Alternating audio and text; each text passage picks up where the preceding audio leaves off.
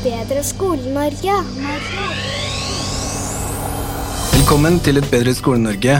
Dette blir den nest siste episoden før eh, vi tar sommerferie for godt, så mm, hold deg fast. I denne episoden skal vi snakke om standpunktsetting, altså sluttvurdering.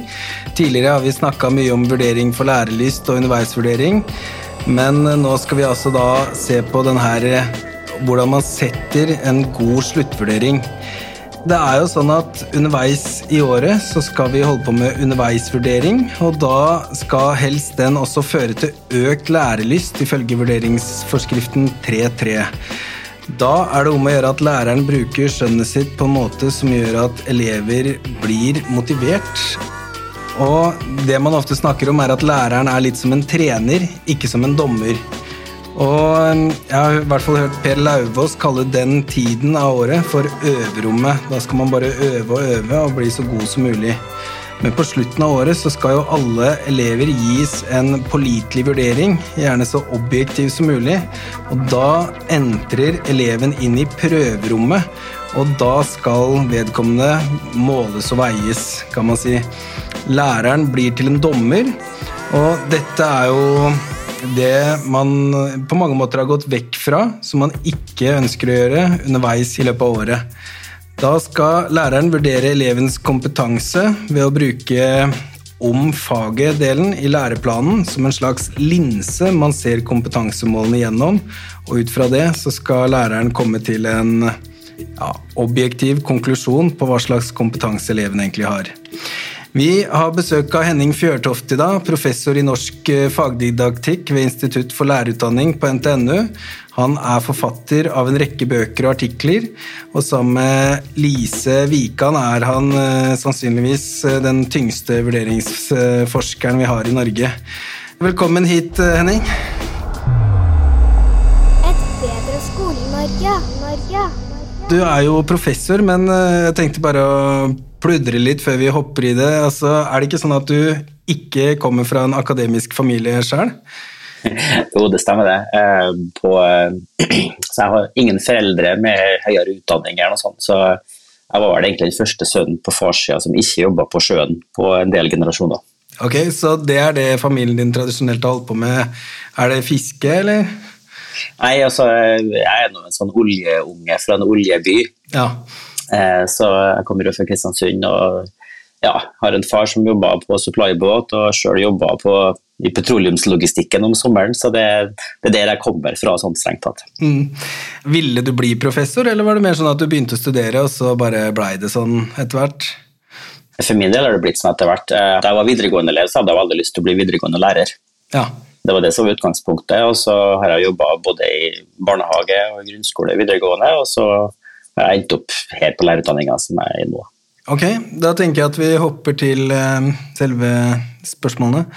Det er jo to former for vurdering vi opererer med, sånn, sånn jeg har lært det. og Det er underveisvurdering i løpet av året inne i øverrommet, og så er det sluttvurdering helt på slutten. Grunnen til at vi sier sluttvurdering, er jo fordi at noen fag er avsluttende, og da er det standpunkt, mens andre fag er jo ikke avsluttende det året, så da kaller vi det sluttvurdering. Så sluttvurdering gjelder jo alt, begge de typene. Kan du beskrive forskjellen på de to vurderingsformene kort, men tydelig?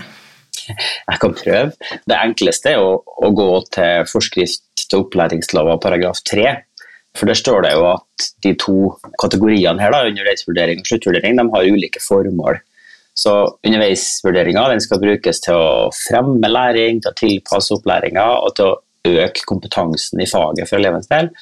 Mens sluttvurdering skal gi informasjon om kompetansen eh, til elever, lærlinger, lærerkandidater osv.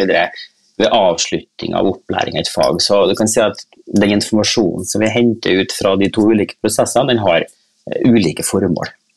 Jeg snakka nylig med selveste Hattie, og han sier at lærerne Man skal jo lese den teksten om faget, og så skal man se på kompetansemålene.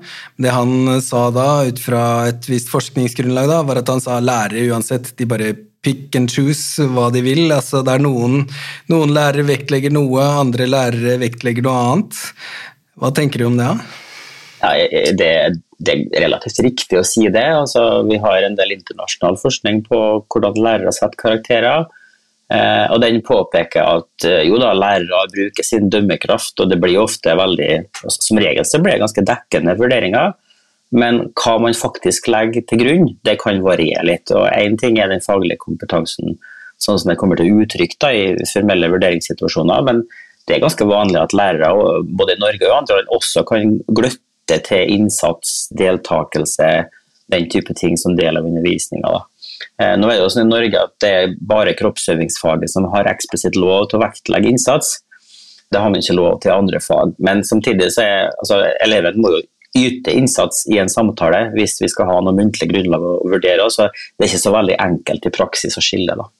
Jeg har lyst til å snakke litt om periodisering, og det går ut på at f.eks. i norskfaget så kan man gå gjennom ett tema i en viss periode på året, la oss si romantikken, og så er det sånn at man kjører en vurdering på den perioden og setter karakter på det, da.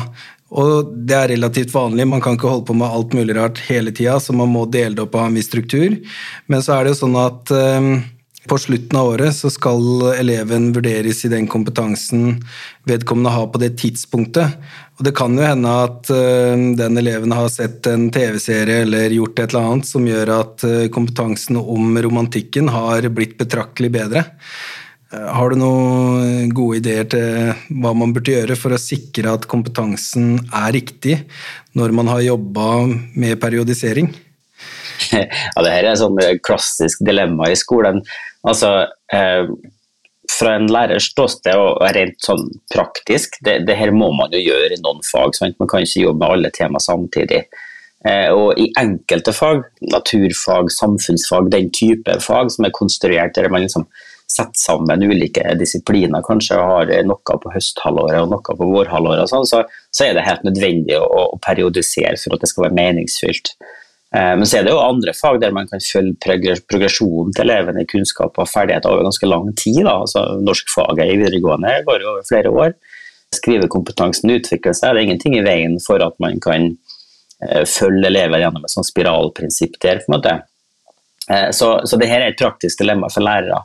Hvis du ser på fra elevens ståsted, så tror jeg at det er klokt å klumpe noen tema sammen og la eleven jobbe med dem litt over tid.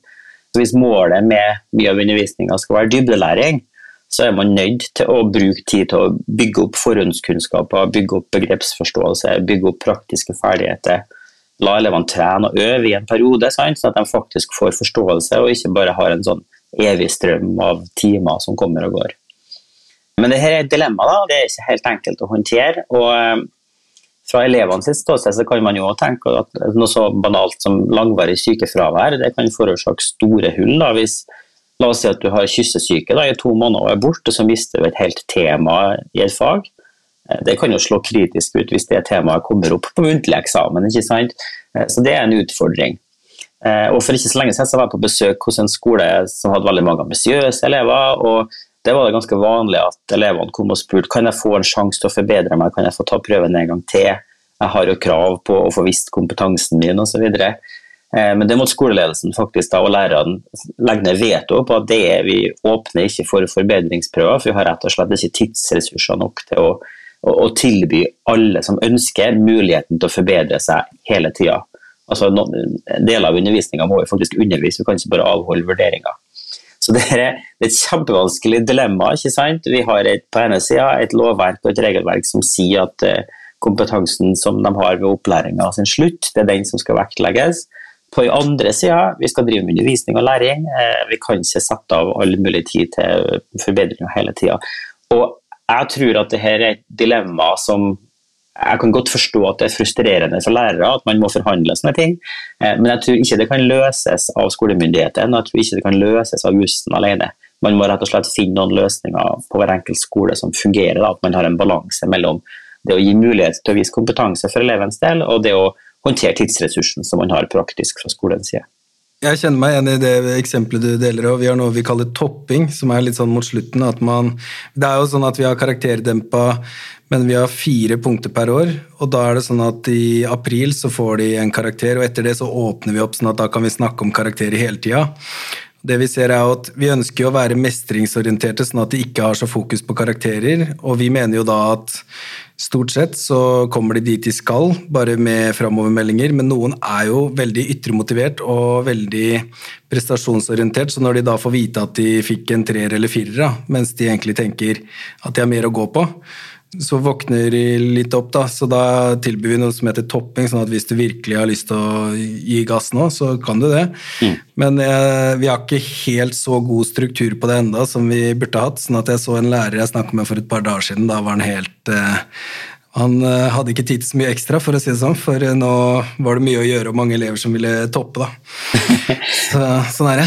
Ja, ja det, er det, er ikke, noe enkel løsning, det er ikke noe quick fix på det her, tenker jeg. og eh, og, og, vi vet jo fra forskning at lærere gjerne ønsker å gi elevene gode karakterer. Altså det betyr ikke at de er eh, for snille eller urettferdige, men, men, lærere vil gjerne se at elever lykkes. Altså det, det, er veldig få lærere som har som mål å sette så lave karakterer som mulig. Mm. Eh, og Derfor er det lett å se for seg da, at lærere enten av egen vilje da, eller hvis rektor beordrer dem, at de føler at de må åpne for enda flere muligheter til å forbedre karakterene. Og da kan vi få en del dilemmaer. Altså, er det de elevene som roper høyest, som skal få den sjansen? Hvor mye undervisningstid skal vi gi bort for at de skal få sjansen til å forbedre snittet sitt med en desimal osv.? Det, det, det er ingen enkle løsninger på det, tror jeg. Men vi må være, vi må være klar over utfordringa. Mm.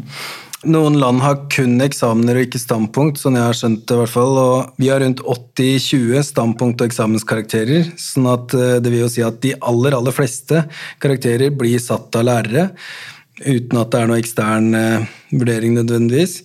Og Det betyr vel at vi har veldig høy tillit til lærerprofesjonen her til lands? Ja, det, det korte svaret på det er ja. ja. Eh, og, og, det litt lengre svaret er at vi har høy tillit fra to retninger samtidig. Altså Den, den norske lærerstanden har høy tillit fra en tverrpolitisk myndighetsforståelse. holdt på å si. Um, altså det at vi har denne ca. 80-20 %-fordelinga mellom standpunkt og eksamen, det har Eh, vært fast grunn i venstreorienterte regjeringer, det har også vært fast grunn i høyreorienterte regjeringer. Og det har ikke vært noen diskusjon om vi skal ha flere eksamener eller noe sånt.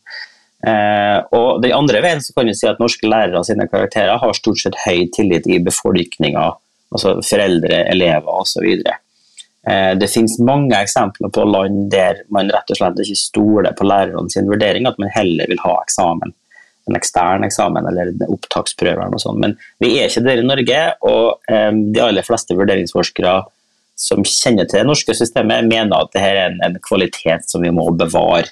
Rett og slett for at lærere sin dømmekraft er en helt essensiell del av et rettferdig vurderingssystem.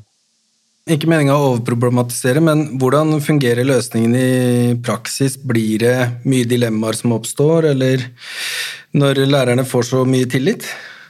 Ja, altså det, det, er en dynamikk der òg. Altså, nå har det jo kommet et forslag om at vi skal ha en slags opptaksprøve til høyere utdanning i Norge.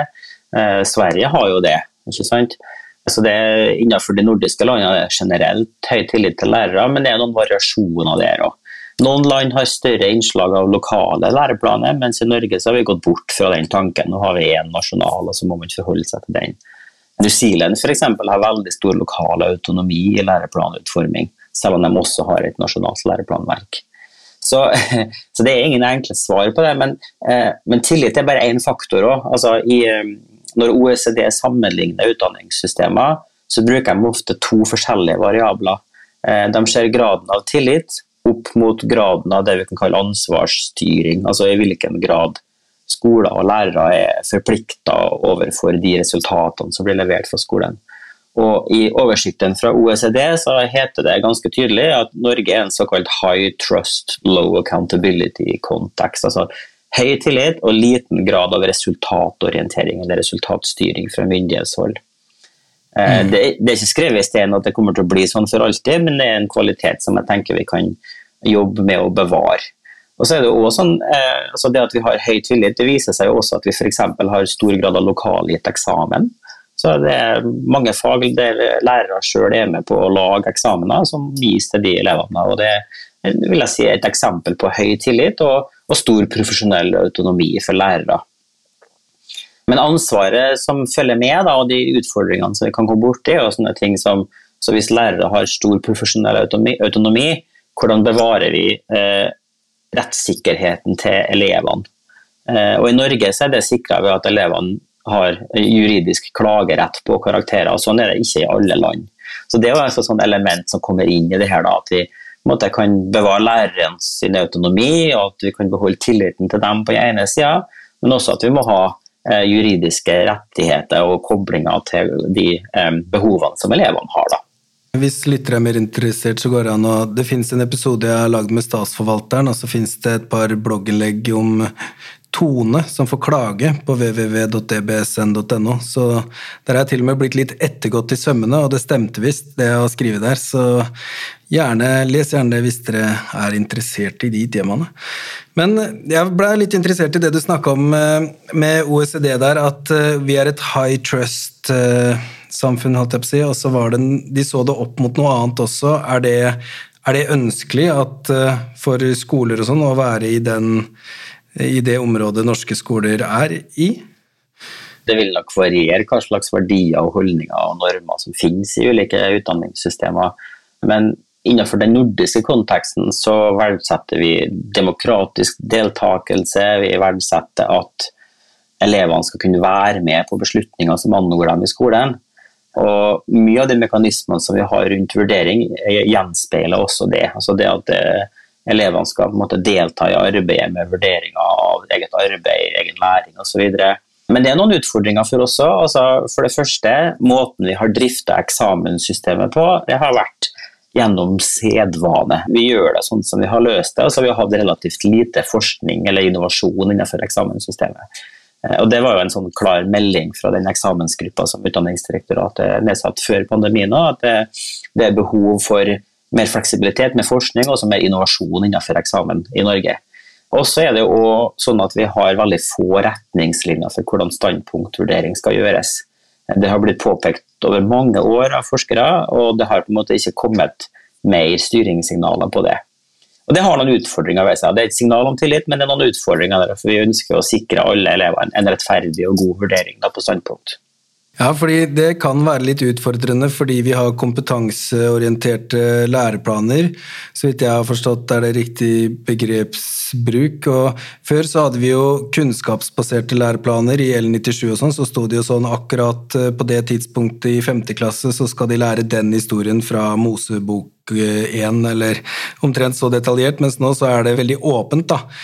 Og det gjør jo at eh, man kan tolke læreplanene veldig ulikt. Vi på vår skole lagde sånne lokale læreplaner for noen år tilbake, og det letta i hvert fall særlig sensurarbeidet på eksamener og sånn etterpå. Det var særlig mediefag jeg prater om nå. Da kunne man sitte og snakke om opphavsrett, var det bra nok svar, eller filformater, var det de vi etterspurte og, og sånn. Så det klargjorde veldig mellom lærerne, de her lokale læreplanene. Men nå så er det vel, så vidt jeg har skjønt, det læreplanverktøyet som er inne på sida, som skal erstatte lokale læreplaner. og Da lurer jeg jo litt på noen ganger om en femmer i bare for å ta noen tilfeldige eksempler. En femmer i norsk påbygg i Hammerfest, blir den da den samme som i Stavanger? Er standpunktkarakterene reliable? ja, ja det, jeg, jeg, kan, jeg, kan, kommentere det første først. Eh, og Det har med hvordan type læreplaner man har. Altså det, det, er at de læreplanene vi har hatt før Kunnskapsløftet, har vært mer orientert mot innholdet i undervisninga, aktiviteten i undervisninga, mens det vi har nå er en læreplan som er mer orientert mot den kompetansen eller utbyttet som elevene skal ha etter endt opplæring, etter endt undervisning. Jeg er jo norsklærer, og for min del, i, i L97 for grunnskolen, så stod det at elevene skulle lese en roman fra realismen eller naturalismen. Og det er jo fint, det, men det sto ingenting om hva de skulle vite etterpå, eller hva de skulle forstå, eller hva de skulle være i stand til å gjøre. Så den, den type læreplan har sine utfordringer òg. Mm, mm. det, det, det, viktigste tror jeg eh, er at lærere jobber med læreplan, samarbeider om læreplan, setter seg ned og leser og fortolker læreplan og for å finne ut av hva betyr det her for oss. Eh, og lærere tilfører tilføre læreplaner mening. Det er jo ikke sånn at læreplaner styrer blindt hva vi gjør. Vi, vi, bruker vår fagkompetanse for å tilføre målene mening, sånn at vi kan omsette dem til meningsfylt eh, læringsaktivitet, for å si det sånn. Mm. Når det gjelder det her med, med reliabilitet, altså, det kan man forstå på forskjellige måter. Det finnes ulike typer reliabilitet.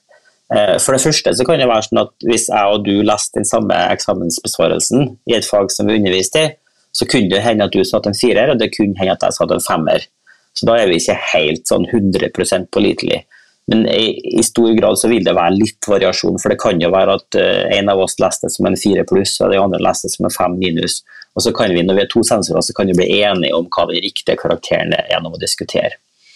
Uh, et annet spørsmål er jo om lærere er konsistent individuelt over tida. Altså hvis jeg får inn 60 eksamener nå i juni, uh, er jeg pålitelig med meg sjøl fra start til mål i den bunken. Altså, hvis jeg begynner å bli veldig lei av å lese dårlige besvarelser, gir jeg da dårligere karakterer. Og det finnes noe forskning som indikerer at det er en utfordring, at man ikke er reliabel med seg sjøl.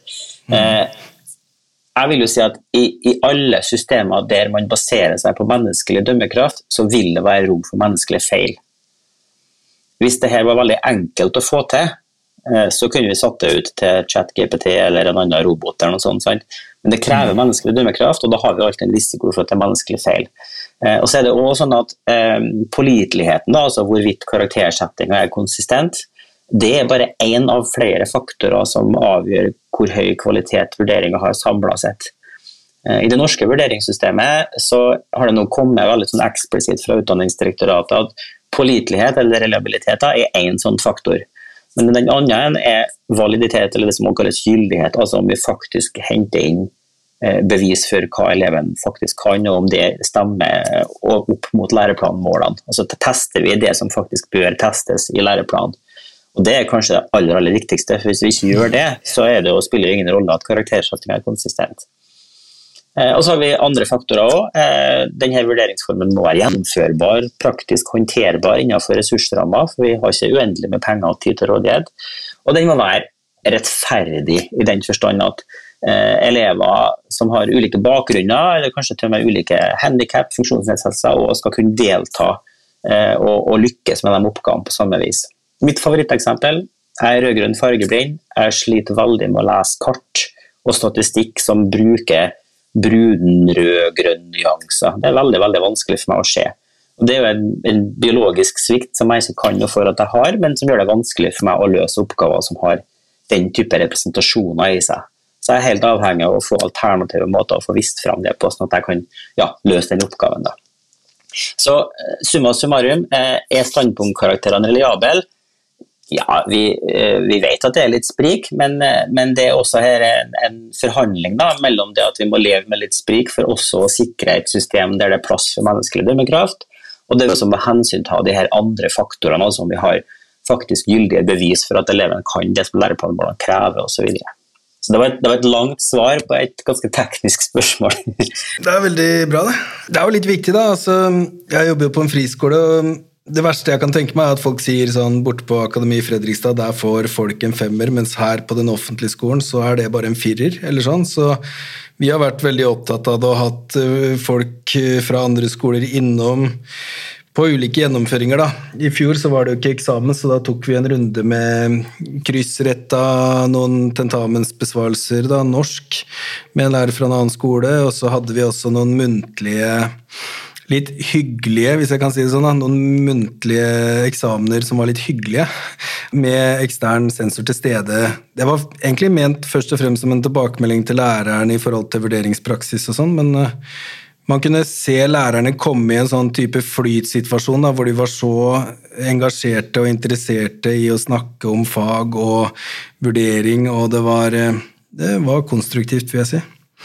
Mm. Så nå svarer jeg litt på det neste spørsmålet, som er hva lærere og skoleledere kan gjøre for å sikre at karakterer er mest mulig pålitelige, og gjerne hvis mm. du har noe forskning eller noe, noe som er gjerne så effektivt Som du sier, vi har begrensa med ressurser. Hvis vi skal kvalitetssikre karakterene, hva tenker du er Har du noen sånn forslag til hva vi kan gjøre da? Altså, det er noen ting vi vet har god effekt. Eh, for 20 år siden ble det publisert en forskningsoversikt som viste at eh, det, er et par faktorer som er sentrale. Eh, det ene er at lærerne må delta i å identifisere vurderingskriteriene for den jobben som skal gjøres og sette karakterer, sånn at lærerne sjøl har måte, eierskap til målene og kriteriene, og at de har forståelse for det språket som faktisk brukes i ja, både i læreplan, i oppgavene som elevene har løst, i sensurbeskrivelser, vurderingskriterier osv. Det er den ene biten, at man har en, en profesjonell forståelse av det språket som anvendes. Da. Eh, og Det andre er at det er veldig klokt å sette av tid til å diskutere det her i, i profesjonell sammenheng, og at man diskuterer spesielt hvordan man kan få og det er standpunktvurdering, da, hvordan man kan eh, unngå at fordommer virker inn når man skal eh, sette karakter på elever som man kjenner godt. Og I, i norsk sammenheng så er jo det et problem når 80% av vitnemålet er standpunktkarakterer. Altså, hvordan unngår man fordommer, eller det som kanskje elevene selv ville ha kalt for trynefaktor. Eh, hvis man kan være åpen om det eh, og si at det her kan være utfordrende, eh, det er noe vi må jobbe med aktivt, så, så har man god grunn til å tro at det vil eh, sikre mer pålitelig vurdering. Eh, I nyere tid så finnes det et eh, norsk dokument som heter 'Kunnskapsgrunnlag og standpunktvurdering', som er skrevet av eh, Gustav og Therese Hopfenbeck. og Der skiller de mellom to litt sånn ulike tilnærminger til å gjøre det her i praksis. En enkel og en mer krevende. Eh, og Den enkle er at man på en måte standardiserer det her. altså at man eh, rett og slett setter av tid til at lærerne skal trene på å sette karakterer eh, på eksempler som man henter fra egen skole. Rett og slett for å sikre at vi gjør, vi gjør prosedyren likt. Det er nok den enkleste, av det, men den kan jo kanskje oppleves som litt byråkratisk. muligens. Da. Den andre er mer krevende, men også kanskje mer interessant. og Det er det som kalles moderation på engelsk. og Vi har forsøkt å oversette til moderering på norsk, men det, har, ja, det er et lite brukt begrep. da. Eh, og Det handler om at man samler inn anonymiserte eksempler på elevbesvarelser både fra egen skole og fra andre skoler, og at man da eh, jobber seg frem gjennom samtale og praktisk arbeid til et sterkere tolkningsfellesskap om hvordan man tenker når man driver med vurdering. Så Da er det mer enn bare karaktersettinga, men også en, en dypere forståelse av hele læreplanverket, hele vurderingssystemet og eh, den dømmekraften som man bruker når man vurderer en enkelt besvarelse. Eh, og i, i, en del engelskspråklige land så er det gjennomført storskala eksperimenter med den type arbeid. altså Både Australia og Skottland har gjennomført store eksperimenter med moderering. Eh, der man da har nasjonale retningslinjer som man skal anvende, men også der det er plass for å bygge opp det her tolkningsfellesskapet sammen med egne lærerkollegaer. Eh, og det her tror jeg det er mye å lære av. Altså, i, i, Norge så vet vi at det nå er mye samarbeid om vurdering. Eh, I kjølvannet av Vurdering for læringbølgen for ti år siden eller mer, så har det absolutt bidratt til gode samtaler om vurdering. Og så har vi også hørt gang på gang på gang når vi snakker med lærere ute på skolen, at sensorskolering er den beste etterutdanninga man kan få. Da må man sitte sammen med eh, enten egne kollegaer eller andre lærere fra andre skoler, og så må man diskutere vurdering og diskutere praktiske vurderingsbeslutninger. Og det er det mye å lære av, sier mange lærere. Da høres det ut som det er én enkel vei og en litt mer krevende vei, men eh, enten så ja, veldig helt strålende. Nå er det jo veldig mange lærere rundt omkring som skal sette standpunktkarakterer. Mange er sikkert satt allerede. Men um, hva er det de bør ha med seg, hvis du skal gi dem noen tips? Jeg tenker det, det, det, er tre faktorer tror jeg, som jeg vil trekke frem. Det ene er at det er viktig å ha lærerutdanning. Det er mange lærere som jobber i skolen, både i grunnskole og videregående opplæring, som ikke har formell lærerutdanning. De kan være strålende i klasserommet, og de kan gjøre veldig mye godt arbeid, ha gode relasjoner med elevene, og sånn, men, men uh, vurdering er et aspekt som er veldig viktig å utvikle seg på. Og at man har formell kompetanse i vurdering, det kan man skaffe seg gjennom god lærerutdanning. Uh, så Det er da et viktig poeng for meg som lærerutdanner.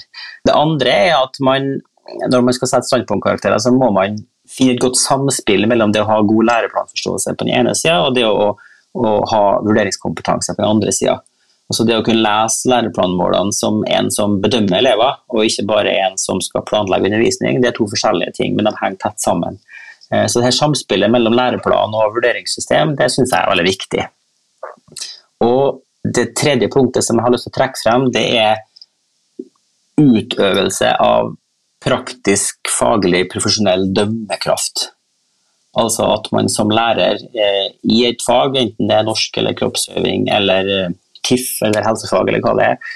At man da har en fagforståelse, at man har en profesjonsforståelse, at man utøver dømmekraft og treffer beslutninger som er de riktige beslutningene ut fra det grunnlaget som man har. Eh, og Det å snakke om dømmekraft og det å snakke om å ta beslutninger i vurdering, det er litt sånn trendy forskningsfelt. Jeg synes det er veldig spennende selv, fordi det handler om samspillet mellom den analytiske evnen man har som lærer til å se mange deler, og, og den evnen til å trekke det sammen til en helhet, sånn at vi da til slutt ender opp med en tallkarakter. Det syns jeg er veldig spennende. Jeg syns det er veldig bra. En siste ting jeg tenker litt på, er at det er jo i hvert fall den forskninga jeg har lest av Margaret eh, Gustavsen, mener jeg heter. Jeg mener hun jobber på ja, hun jobber i hvert fall på Høgskolen i Innlandet. Hun har jo funnet en sammenheng mellom eh, sosiale ferdigheter og at gutter får rett og slett lavere standpunktkarakterer fordi man blander orden og atferd inn i karaktersettinga. da. Det er bare et sånt lite poeng jeg har bare lyst til å nevne. Så trynefaktor, det er viktig å være bevisst på trynefaktor, og i hvert fall være åpen om at det kan forekomme, sånn som du sier. Ja. Tenker du det er noe mer viktig vi må ta med når vi først uh, snakker om det her? Jeg tenker at eh, veldig mye av det som vi har snakka om uh, så langt de siste ti årene i, i, landet vårt om vurdering av eksamen, og sånt, det handler om kriterier, mål og den type ting. Eh, det som vi ser blir viktigere og viktigere, det er mer det her magefølelsen og helhetsforståelsen til lærerne, eh, som er helt avgjørende for at man skal kunne sette karakterer innenfor den tidsressursen man har, men som det ikke har vært snakka så mye om. Så fremover så har jeg lyst til å jobbe mer med det, eh, og jeg håper at vi kan få en offentlig samtale om den her tause kunnskapen og magefølelsen som lærerne bruker når de setter karakterer. Jeg snakka med statsforvalteren om, og jeg spurte hvis en lærer kun har vurderingsgrunnlag via observasjon, er det ok å sette en karakter bare basert på det? Og da sa statsforvalteren ja, det er ikke bare ok, men du skal gjøre det. Det kommer sikkert bitte litt på faget det, hvis det er veldig skriftlig, så så ja, men uh, altså Og jeg tror mange lærere kvier seg litt for å bruke nye metoder, hvis jeg kan si det sånn, da, til å innhente vurderingsgrunnlag på. I hvert fall på vår skole har den uh, tradisjonelle gamle gullstandarden vært skriftlige innleveringer, prøve og muntlig framføring. Men det er så mange flere metoder man kan anvende for å skaffe informasjon om elevens kompetanse. Mm. Så det er viktig man tar i bruk eh, flere, flere metoder. Mm. Ja, vi har et stort og rikt handlingsrom. Mm. Ok, da oppsummerer jeg kort. Altså, det er veldig viktig at man forsøker å få karakteren til å bli så pålitelig som mulig når man nå setter standpunktkarakterer. Ehm, det kan være sånn at ehm, at um, altså, Kanskje det blir sånn først til neste år, hvis du hører på det her nå og tenker oi, det er masse vi kunne gjort annerledes, så er det i hvert fall en enkel måte å få de til å bli, så, bli karakterene så pålitelige som mulig, og det er jo da å jobbe ut fra en felles forståelse av hva læreplanen sier, lage noen standardiseringer, og så ta noen eksempler på besvarelser eller lignende som man da vurderer sammen i, et, i en faggruppe, f.eks. Altså lærere med like fag. En mer krevende vei å gå kan være å gå, å gå for noe som heter moderering. Om man har anonymiserte besvarelser fra egne og andre skoler og har et tolkningsfellesskap hvor man så vidt jeg forstår, modellerer høyt hvordan man vurderer ulike oppgaver og hva man tenker. Og det det er kanskje krevende, men vurdering er jo en så stor del av skolen. Jeg opplever vel noen ganger at skolen ikke er styrt av læring, som det burde vært, men av vurderinga. Så jeg vil jo si at det kan være fornuftig å bruke tid på å få til vurderinga på en god måte for i hvert fall mange skoler. Det er bare min lille private mening. Ok, Tusen takk for at du ble med, Henning. Det var en eh, ære. Så håper jeg du får en god sommerferie etter hvert også. Fra Åssen er det med dere på lærerutdanninga? Har dere lærerferie, eller er det 45 ukers oppsett? Nei, jeg er statsansatt, så jeg har bare fem uker. ja, det, Men det, har det, det, har det. det går bra. Tusen takk for at jeg fikk være med. Hyggelig. Ha det bra. Ha det bra. Et bedre skole, Norge Norge Norge.